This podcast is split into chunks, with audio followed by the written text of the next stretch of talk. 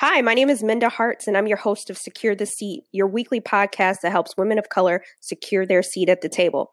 As you know, I'm on a couple week hiatus, and season two hits you off August 15th. So every Wednesday, starting August 15th, we'll pick up on new episodes with new guests and talk about how we secure our seat at the table and bring people along with us. But in the meantime, I had to hit you with a bonus episode with my guest. Tanya Tarr, who is a Forbes contributor and expert negotiator. And when I thought about equal payday for Black women, which is August 7th, I connected with her and said, hey, we got to do something together because we know that there's a wage gap and there's one for women of color, even more so. Uh, we make less than many of our counterparts. And so I just wanted to highlight facts versus fiction and let you know what's real. And what's real is that Black women make 63 cents on a dollar to a white male. But let's talk about the facts. And like I said, Tanya is going to lace you with the truth and help us secure our seat for our next negotiation. Enjoy the episode. Tanya, welcome to Secure the Seat. How are you? I'm good. I'm I just feel incredibly honored you invite me to take a seat at this table with you. Absolutely. you are invited to any table I'm sitting at, so that's a done deal. Hmm. Uh, but today is exciting for me because we're talking about equal pay day for Black women, and I'm mm-hmm. excited mm-hmm. because I can check that box of, of being a Black woman and have this conversation with you, and and I consider you an expert in this field of negotiation and salary. And but before we get started, I'd love for you to tell our listeners a little bit more about you. I am a negotiation nerd. Uh, I do write and contribute to Forbes on the topic of negotiation, equal pay, and women leaders taking over the world. I've been writing, contributing to them for about two years. I've interviewed probably about 150 women executives at this point, which has been really rewarding. Uh, before, uh, and I work from, I, I'm both a vice president with a global negotiation consulting firm and I also have my own private practice with executive coaching. But before I did that, I spent uh, 17, almost 18 years working in progressive politics and campaigns and legislative advocacy work uh, and community organizing. So, um, so that's how I. That's the lens with through which I see negotiation, both on the external side. Uh, mostly helping candidates and leaders do a lot of fundraising, so getting them comfortable with asking for money, but then also helping people create high performing teams that would do really well under extremely stressful situations. And so now I spend my time, you know, writing and also working with uh, large global corporations and companies, helping them with their sales team, helping them do pricing restructuring, um, and then also helping them do sort of internal employee engagement programs and helping them build high performing teams. So that that is what I do these days. Um, and you know, I mean, I have my my melanin's a little different. Mel- melanin's a little different. I always say that word wrong. Uh, a little different shade, but I am multiracial. I'm half Asian and half Latina. And I, you know, on the topic of sitting of seats, I, as I was thinking about visiting with you today, Minda, I thought about um, a lot of the times where, you know, especially when we move through predominantly white and male spaces, um, you know, I'm a big student of understanding nonverbal communication cues. They're really important and can be a strategic advantage in a negotiation. But also, if you're trying to build relationships with communities, you, you need to look for those things, you know. And I, I, as I was preparing for this visit with you, I thought of more than a few times where I would walk into some of these spaces that tended to be very white and very male, and seeing that nonverbal response from particularly from some of my black sister coworkers, if I can call them that. In the labor movement, we call each other sister and brother quite a lot. Um, and uh, but just you know, seeing relief wash over someone's face, wash over a woman's face, particularly when it's a woman of color. I both felt it was very bittersweet for me because I felt glad that I could be there to stand with her, um, and then also I felt um, kind of angry and sad that it had to be that way. You know what I mean? Like it was so the situations tended to be kind of yeah, a little bit hostile. Let me just be honest. Yeah, um, I mean that's the reality. You know I mean? Yeah. Absolutely. Um, yeah. I'm glad you made that point. And and when I thought about equal pay day for Black women, I thought, you know what? I have to reach out to Tanya. We have to have. We need to do something together. And I want yeah. women of color listening to know because even if you're not a Black woman and you're listening to this, a lot of the same principles apply. So why don't we just jump into it? We know it's on 8 7, but we live it and breathe it every single day of the week. It's not just one yeah. day that we talk about it, but we should be talking about it every single day. But Tanya, break down for us the wage gap and kind of a mindset and some of the statistics because I think it's important for us to understand the foundation and where this all began and all of that stuff. Yeah, so Equal Pay Day is actually like not a happy day, but it's more of a day of remembrance. Um, and a bunch of different women's organizations got together and started promoting this concept of the day that women have to continue working beyond the first of the year uh, to make the same amount of money as their male white counterpart. So usually in early April, uh, this year it was April 10th, I believe, um, is the average number of days that any woman would have to work beyond, you know, December 31st to make the same as a dollar. Uh, so it's 80 cents on the dollar. We make 80 cents on the dollar on average. Um, when you break it down, you can break it down into different demographics, and um, and it's it's very different. So for Asian women, their equal pay day is actually in I think February. So they make like 84, 83 or 84 cents on the dollar. White women make something like 78 cents on the dollar. Um, moms make 75 on the dollar. You know, it, it keeps going down. African American women make 60 on average 63 cents for every dollar that a white male counterpart makes. Now, which is uh, which is depressing. Let's be let's let's look at this clear-eyed, right? That's depressing. But we also have to be clinical and diagnostic about it. Okay, so why does that number look the way that it does? And also, you know, I was mentioning to you before, Minda, like I was giving a talk in Seattle, and I think people just they're not aware of it and they're still shocked by it. So I was giving this talk with a room full of people that are equal pay advocates, and I mentioned the breakdown, and some of them had never heard it by race. They were completely shocked and appalled that that's what the situation is. Um, and you know, it's important from an emotional standpoint to sort of like be there with your feelings and experience them, um, but experience them to the point where you can get to looking at this clinically so that you can take action. Um, because the other piece of this too is when you look at a lot of so PayScale does a lot of really great research on this. Um, they're a cloud uh, compensation software company based out of Seattle, and uh, they have about a decade of of data across many different industries and thousands of companies. And what they what their research is suggesting these days is that on a job by job basis, we're actually we are getting to parity across gender and race. The issue is there aren't enough women in position of uh, leadership, and that that's actually what's sort of spurring that gap, that pay gap. It's not that I mean, it is probably the case that in, in some places, you know, we wouldn't, have, none of us would be surprised by this. In some cases, there might be discrimination going on, or there might be the fact that a man will ask for more than a woman and get it.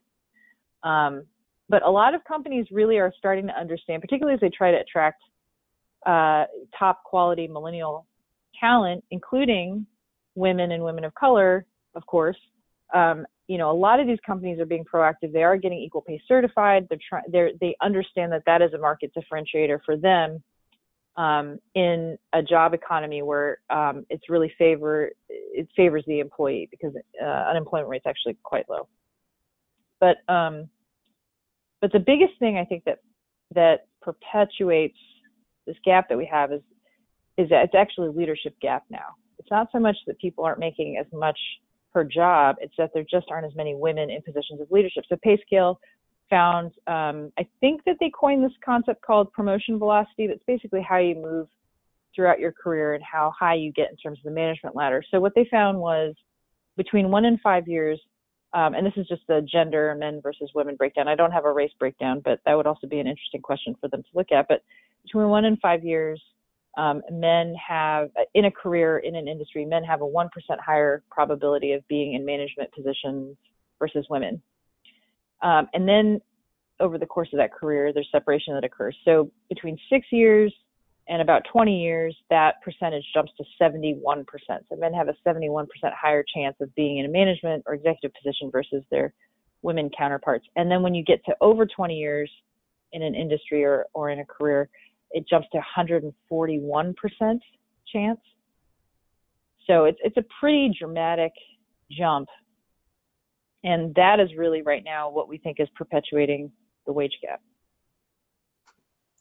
Wow. Um, I feel like I've just entered like negotiation heaven or eh, you know with the information that we need to sustain ourselves like it's well like wow i'm glad that we have women like you out there digging deep so that we can have this knowledge yeah well i would not want to wish anyone uh the time that it takes to dig into like bureau of, bureau the bureau of labor statistics or PayScale i happen to really enjoy looking at the data but um yeah i mean it's it. and again, I, I think you know if you hear this stuff and you feel depressed or you feel you know discouraged, I think that it's important to sit with your feelings, but to also process them, right? Because when I every time I talk about the the promotion velocity, you know, changes over the career, it tends to be kind of shocking to people. Um, but here's the other thing to think about that I think is is really positive is that uh, there's so much good energy around trying to fix this and I really do think that we have the ability to change this dynamic really quickly. And do you want me to roll into the advice too? Because I, I asked, well, I told know, my friends.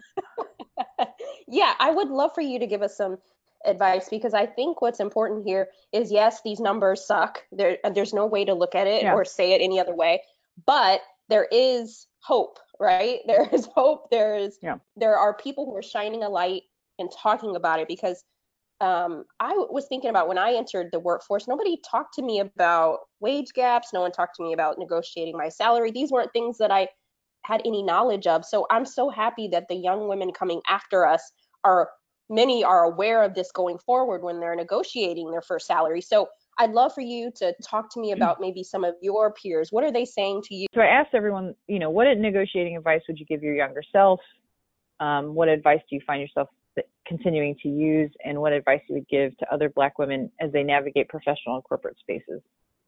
And Amber sent me this great response. She Amber Jackson. She said, "You can you can find purpose in your career at the intersection of what you do well, what helps others, and what someone is willing to pay you to do. And Amber suggests don't over focus on getting a paycheck at the expense of the other two areas. Pursue all three to find the most fulfillment from your career. And I really like her advice because it focuses on the problems you're trying to solve out in the world. Right? I think the, the thing I've seen that kind of gets people hemmed up a little bit is when they feel like, particularly when they're asking for money or salary, when they feel like it's somehow tied up to their self worth, and, and it really isn't. You know, it cannot be actually about you. It's not a referendum on you as a human being. You as a human being are priceless. Um, but you, as someone who can solve a problem, that problem you solve is a service or a product that has a market value and evaluation. So I think, uh, and we'll, well, I'll talk about market value in a second, but um, I love what Amber is suggesting. Again, finding finding purpose in what you do well, what helps others, and what someone is willing to pay for, um, because that interse- intersection is really powerful, right? And Cheryl Ingram, actually, I should say Dr. Cheryl Ingram, is the CEO and founder of Inclusology, uh, and they do a lot of great work in the Pacific Northwest and across the country. Um, what Dr. Ingram said is in corporate spaces, African American women face the four U's. There are too many corporate spaces where Black women are underpaid, underpromoted, underestimated, and undersupported. And what she suggests is you have to work to find allies such as mentors and sponsors who don't maybe look like you but support support you or support you know African American women um, and Dr. Ingram suggests don't be afraid to ask for that support, but make sure that you tell that person exactly what you need from them. So I think, you know, allyship is definitely something that um, is important for us all to move forward. Um, and uh, and I think Dr. Ingram's suggestion of being really clear about what you need from them is also helpful because I can help that person be better at helping you. Yes. Um, and she also Ooh, said, let's see, yeah, she said, and she, this is great advice, and I got this from a couple of, of women that wrote back to me. Um, stay true to who you are and know your worth. Your authenticity is valuable, and don't let anyone take it away from you or cause you to hide it. And uh, wow. Uh, so this yeah. this this thing too, if I can take a little bit of a, am I talking too much? Sorry. no, this is good. And, I can talk you know, for our listeners. and no, this is really good. I'm glad that you're giving us this mm. feedback because just to give people a little context, you today you also have a Forbes article coming out about this. And so if you're wondering why we're talking about this in terms of what these women said, you can also go and check out that article as well for more for more information. But those four U's, I mean, that's like that's a sermon in and of itself. I just love it. Yes. Dr. Ingram is a very amazing, inspiring woman. Um, I think too, you know, underpaid, underpromoted, underestimated, and undersupported. Okay, so again, being clinical, right? You've got those four points, but how do we flip the script on this, right? So what does what would it look even as you examine those things? It's important to look at the other side of it too. So what would it look like with ideal pay, ideal promotion, ideal estimation, and ideal support? Right? Like this is something that I think all of us, if, if we're part of any group that's been sort of undervalued and underpromoted and so forth, like, yes, we need to be really clear sighted about that, but we also have an obligation to be curious and to generate the positive potential future that we want to create. Right. And that kind of goes to this concept of fixed versus growth mindset. I think maintaining a growth mindset um, in the space of adversity is really, really important. I think if we just think about what is holding us back, um, without also spending that same amount of energy, if not more energy, thinking about what's possible, um, is really, really important to this equation, or else we just get trapped in the status quo. Um, and there are a bunch of studies and links that I'm going to send Minda um, on research around this concept called self affirmation theory, which I'm really fascinated by. Uh, Dr. Claude Steele, who I believe is at Columbia now, he was at Stanford for a really long time. He did some of the seminal research around uh, black kids and testing, like standardized testing. And he and all of the research he inspired shows very clearly that when you activate a true internal sense of pride that reflects how much you value your own self worth, that this is actually the greatest antidote, right? And this is so we were talking about earlier, right? About that uh, we have control over our inner voice. That's actually the first place we have control over, right? Um, that that really it is up to us to engage with our inner voice and how we construct and define our inner self. Like no one else really. I mean, there are people that try to force you to think a certain way or whatever, but you still have self agency inside of yourself. And and what's so encouraging and inspiring about Dr. Steele's research and everyone else who has done research along this concept of self affirmation is that when you affirm yourself um, and when you remind yourself of your own personal integrity and what you're authentically proud of, that will diminish your potential for for conforming to negative stereotypes. Right? Isn't that crazy? If you remind yourself of what you are proud of, that is going to keep you from conforming to negative stereotypes. Right? So that's like the first line yeah. of self defense. That makes sense. That, um, I, I can't wait to post the those on the show notes so people can read and dig a little deeper on that. Yeah, I mean, the, the just uh, kind of the takeaway on this is, you know, think about what it is that you are proud of about yourself and make sure that you write that down somewhere. Like literally write it down or say it out loud. And when you find yourself feeling that self doubt or being in situations where you feel like you don't fit, that even reading that or writing it one more time is going to create that resiliency inside of yourself uh, that is going to go a long way in helping you be successful. You know, it definitely beyond some people's expectations, but most importantly, um, help it'll help you kind of reaffirm uh, your sense of worth, which is important. You've got to have that really strong foundation before you go into a negotiation, right? Absolutely. Um, no, I'm glad you shared that, and you know, I want to switch gears just a little bit because I want to touch on two points that um, I know some of our listeners, hopefully, they'll fall into one or the other in the categories, but hopefully, this will help them as they think about their next ask or negotiation. Um, so, the first thing I wanted to ask you, Tanya, is so let's say there's a woman listening right now and she's a Black woman and she's going after her first job. How can she set herself up for success during that initial salary negotiation conversation? Yeah.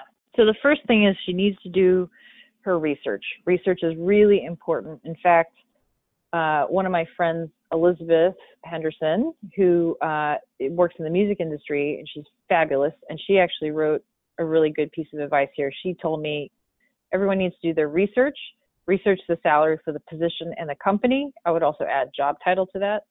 Um, and they're really, she urges there are really great tools out there to help you in that endeavor, way more than maybe when we started, you know, when we started out in, on our career path. Um, and then the other thing that Elizabeth mentioned that I think is, is good advice is understand who you're negotiating with and understand the concept of leverage. In some cases, you might have a lot of leverage to negotiate, and in others, you won't have as much. So, understanding what position you're in uh, is really going to be helpful. So, um, you know, the other thing I would urge to someone getting started in, in her career, um, particularly if you're African American, um, but really it's just it's a way of developing market-based leverage. Is you know when you're interviewing for one job, if you can interview for multiple jobs. So Elizabeth's talking about leverage. One form of really great leverage when you come to the salary uh, discussion is if you have a competing job offer and by the way, the competing job offer has to be very similar to the job that you're negotiating on, right? It can't be for some job that has nothing to do with the, the job that you're negotiating for. Um, but having having that leverage is useful. Being employed currently and having that salary negotiation, like if you're employed, that's really strong leverage. Um, so thinking about that piece of it, but then also just really understanding the market that you're in, understanding how competitive it is um, is really, really important. And it's a way of creating what's called uh, objective leverage. It's a it's an objective measure. Um, it has nothing to do with an individual's self worth or ego, um, but just getting really clear on knowing what that field looks like um, is a way to really, um, I guess, arm yourself. I don't really like using those kind of metaphors, but is a way of, of protecting yourself, right, and being competitive the job market. I once heard somebody say that negotiation is a combat sport. So I, I think if you're if you're saying it under that that guise, maybe you do have to arm yourself. Um, I'm pretty sure I, I said that once or twice too. Yeah, I mean I practice martial arts and combat sports, and and there are a lot of there are a lot of similarities. You know, the other thing I would tell someone, anyone, and it doesn't matter what point of your career you're in, but negotiation is a full body experience. Okay, and and calling it a combat sport is is uh, actually very accurate because for most people, we don't constantly have opportunities to negotiate. So, what I would tell a young job seeker um, is to practice the negotiation with somebody before you go into the actual negotiation. Someone who can be your negotiating partner, who who is a friend or a mentor, somebody that you know, somebody that you trust, um, who doesn't look like you. Getting their perspective can be really useful, especially if you're someone who you know isn't always very uh very overconfident right? So like i'm not a i'm not a super you know confidence is is almost like a muscle in and of itself right? Just like when you learn different maneuvers whether it's dance or martial arts or anything like that i think there's this idea sometimes that confidence is just something you have or you don't have and i just don't believe that. I believe confidence should be treated just like a muscle. And so you have to train that. And i think you know many of us are socialized particularly if you're a woman of color we're socialized to accommodate others and to often question our our confidence. And so having someone there just knowing that is important first of all and second of all finding people that can help you build your confidence muscle by validating you giving you a different perspective giving you loving feedback so that you can get better and better at doing and asking advocating for yourself is super powerful um, and sometimes Absolutely. you know maybe you don't if you if you don't feel confident doing that, the other thing you have is electronics. Okay, so I always feel like the camera, if it's on your laptop or on your cell phone, or even if it's old school and it's just a digital camera, um, can be your harshest but most effective training buddy, right? And a lot of people hate seeing themselves on camera or hearing their voice recorded, uh, myself included. Um, but it is unflinching, which is great if you can take the time to go back and watch that footage and listen to yourself, right? That is going to, te- if you can take that footage and use it to help you continue to focus and refine the signal you're putting out into the world. What do I mean by signal? The words that you're saying, uh, your posture, your nonverbal communication cues. You know, if you can use that footage to refine and keep practicing, you know that that is highly highly effective, and it's it's uh, it's very affordable too, shall we say. I agree. Uh, it's something that I definitely do um, and cringe at the same time, but it's very helpful. Um, that's great advice, Tanya. And I was thinking of another thing. So yeah. let's. I know that oftentimes, and we hear a lot of a lot of stories. I think I heard some stories, uh, even most recently, about women finding out that they're doing the same work as another woman they sit next to, and they're making less. So let's say right now that there might be, you know, a black woman right now. She's making less. She finds out what is that and this goes not just for black women but other women too you find out that you're not making what you should be and how do you handle that without just being mad as hell and blowing up the spot right? What do you do? Yeah. Tell me uh, okay tell so how handle that I, with tact. With tact yeah. So again i mentioned that i practice martial arts and muay thai and american boxing. So this is a little tangential uh, but I still think, you know, again, as, as someone who coaches people and has for many years, like I, I, you, it's important first of all to know yourself. It sounds so trite, but it is so true. And the very first thing you have to get mastery on is your emotional state, and because that affects how you're going to react to these things. So, in fact, I think even before we were on the call, we were talking about the 10 minute rule, right? Is it okay if I talk a little bit about the 10 minute rule right now? I think it applies. I definitely think it applies. I, this is very much applies. Yeah. So we were joking about how our various elders and aunties had taught us. I, I don't even remember who it was to be honest. I, it was just sort of the cardinal rule that like you always have about 10 minutes to react to things. So if you get upset, if you're sad, if you're mad, if you have, feel like you're about to cry, like you have 10 minutes to like let it all out. Um, but we were kind of drilled that, uh, you know, you got to do it in private. So if you're gonna if you're gonna have that moment, then go on and have your moment. Go into the bathroom, go to the ladies' room, close the door, do whatever you got to do, uh, and then come out and wash your face and put your eyeliner and your lipstick back on and go go back out there. Um, and so I just really I think my point on and not everyone can do that, but um, but my point here is that emotions play a role in being a negotiator and how you manage those emotions and gain mastery over those emotions plays a significant role in how expert of a negotiator you can be. So, um, you know, if you're mad, be mad, but be strategic about how you're mad. Go into the bathroom, or if you're like me, I, you know, practicing martial arts has been enormously helpful to my emotional management um, because I have a place where I really can let it all out. Um, and it has just helped me have such a strong, much stronger sense of emotional, internal emotional regulation. Um, and, and, again, too, with negotiation being a full body experience, um, you have to be, you know, when you're upset, when you're mad, or when you're super excited, on the physical side of things, something happens called the adrenaline dump and I learned this from studying uh, martial arts and self defense, is that when you have an adrenaline dump, um, and I also learned this when I worked for the military for a short period of time, when you have an adrenaline dump, one of two things happens. One is you either go back to your most ingrained habits or you go to the thing you have trained the most to do, right? It's kind of the same thing, but you have habits and you can train those habits, and they're not always the same thing. Um, the other kind of scientific aspect of this is when you get mad and when all that adrenaline dumps into your body and all that blood, what usually happens to most human beings is their blood rushes to their calves because your body's getting ready to like run or fight. um, you get stupid. Okay, I don't even know how to say this more kind of compassionately, but anger and those type of emotions cloud your higher order cognitive skills. So it's really important to be aware of that and to find ways to channel that energy in a way where it doesn't fester inside of you.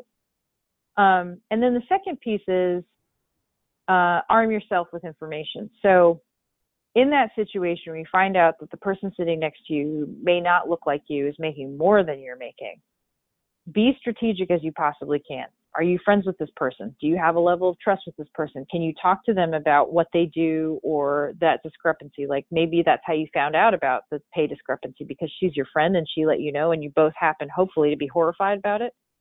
But what, you know, be curious. I like to, it's this is a super cheesy phrase, but hopefully you'll remember it. I always like to say, stay curious, not furious. I'm not saying you shouldn't be furious, that you don't have the complete and total like right to be furious and that isn't justified. But once you've dealt with that fury, try to stay curious. Okay, so why would she be paid more than you? Does she have more work experience? Does she have, um, you know, more um, educational experience? Is she managing more product, projects than you, or something like that? And depending on how much you like your job and you like the organization, I mean, if if you like the organization and you find out that there's this discrepancy and you feel like you have support on the management side, I encourage you to gather as much information as you can, get prepared for that conversation, and you know have it before things fester to the point where you just quit. You know, um, like I said, it's definitely an employees market right now because the unemployment rate is low, um, and so you should consider that as you're thinking about your next move. Um, and then the other thing too is as you're gathering sort of all the evidence that's there, the other piece of it to go back to Amber's advice here think about what you do well, what helps others, and what that what the market rate is around that, right? So some of the people that I've been mentored by, of all races and genders, by the way, um, they the, the ones I've inspired that, that have inspired my career moves are the ones that were able to satisfy all these things. And so even as you're going to advocate for yourself, which you should, you also want to be able to show very clearly what um, some people call it your unique selling point is. Um, but what are the solutions that you're providing for these people um, and for the organization? Because that actually is a way for you to articulate value that is very, very practical and very objective. Right. So again, Amber's great kind of points here. What do you do well? What problems do you solve really well for the organization, and what helps other staff members, right? Other team members what helps them and what are they willing to pay for? So if you think about you know i'm able to solve this problem for this many people chances are that solution doesn't just work for that organization right? Because that becomes your unique selling point and that has a market value to it right? And so being able to articulate that makes your case really much stronger. And then i think the other thing too when you have that conversation is being able to present the decision maker with a new direction you may want to take your job in. So it might be the case of the woman sitting next to you paying, getting paid more because she's managing a project that she was either given or that she proposed. So, you know, the other piece of it is to think, okay, in this organization, what is it that you want to do? You know, what is the solution that you want to solve? Do you want to be able to manage a team or do you want to be able to, you know, try developing a new product or something like that? Um, and I think these things can help articulate a lot of things to the organization. It can help the organization understand there's a discrepancy, but it can also show that you're really active in wanting to move them forward as well as get paid what you should be paid at the same time.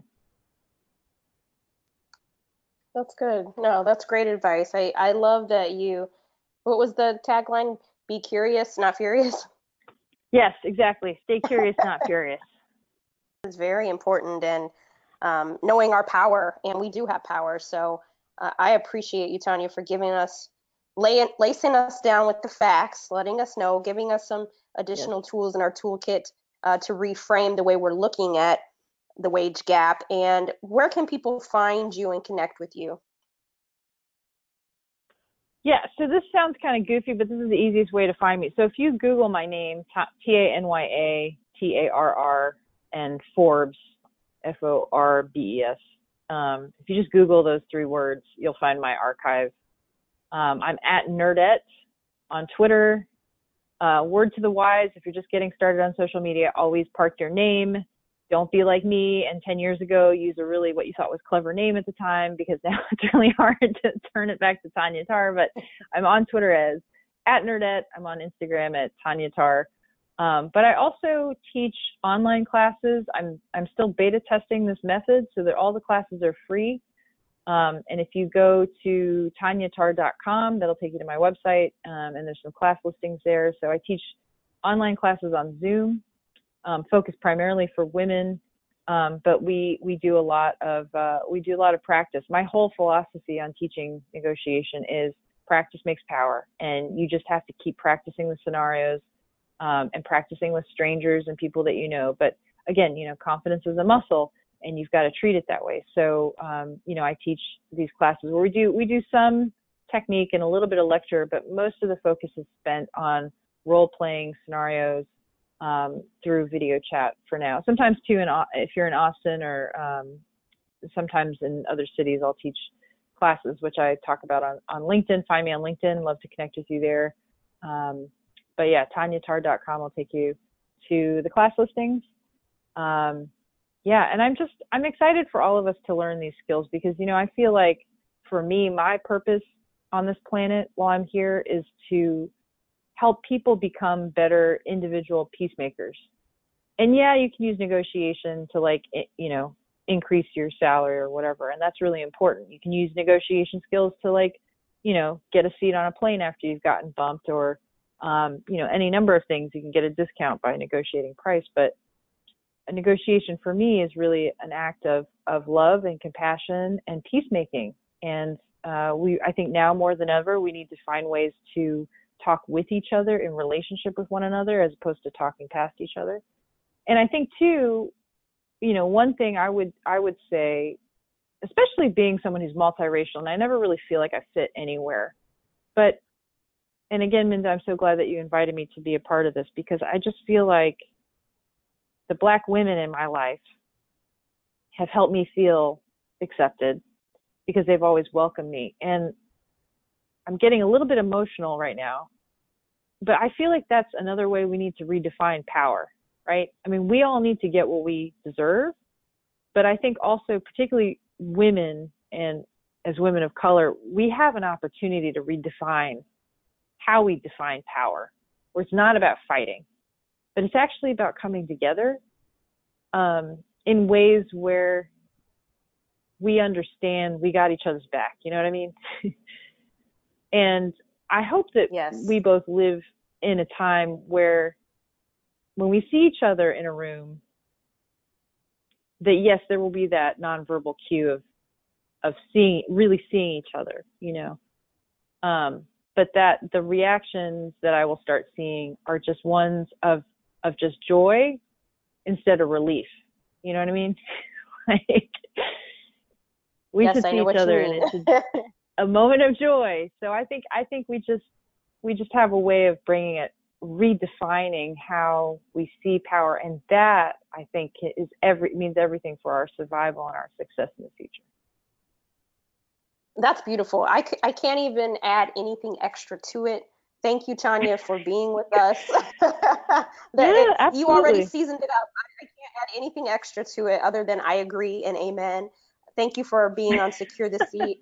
Every, everybody go to the show notes. There'll be ways you can connect with Tanya and also uh, some of the references that she made on today's show. Make sure that you share this with your friends, family, peers, etc. And let's close that gap.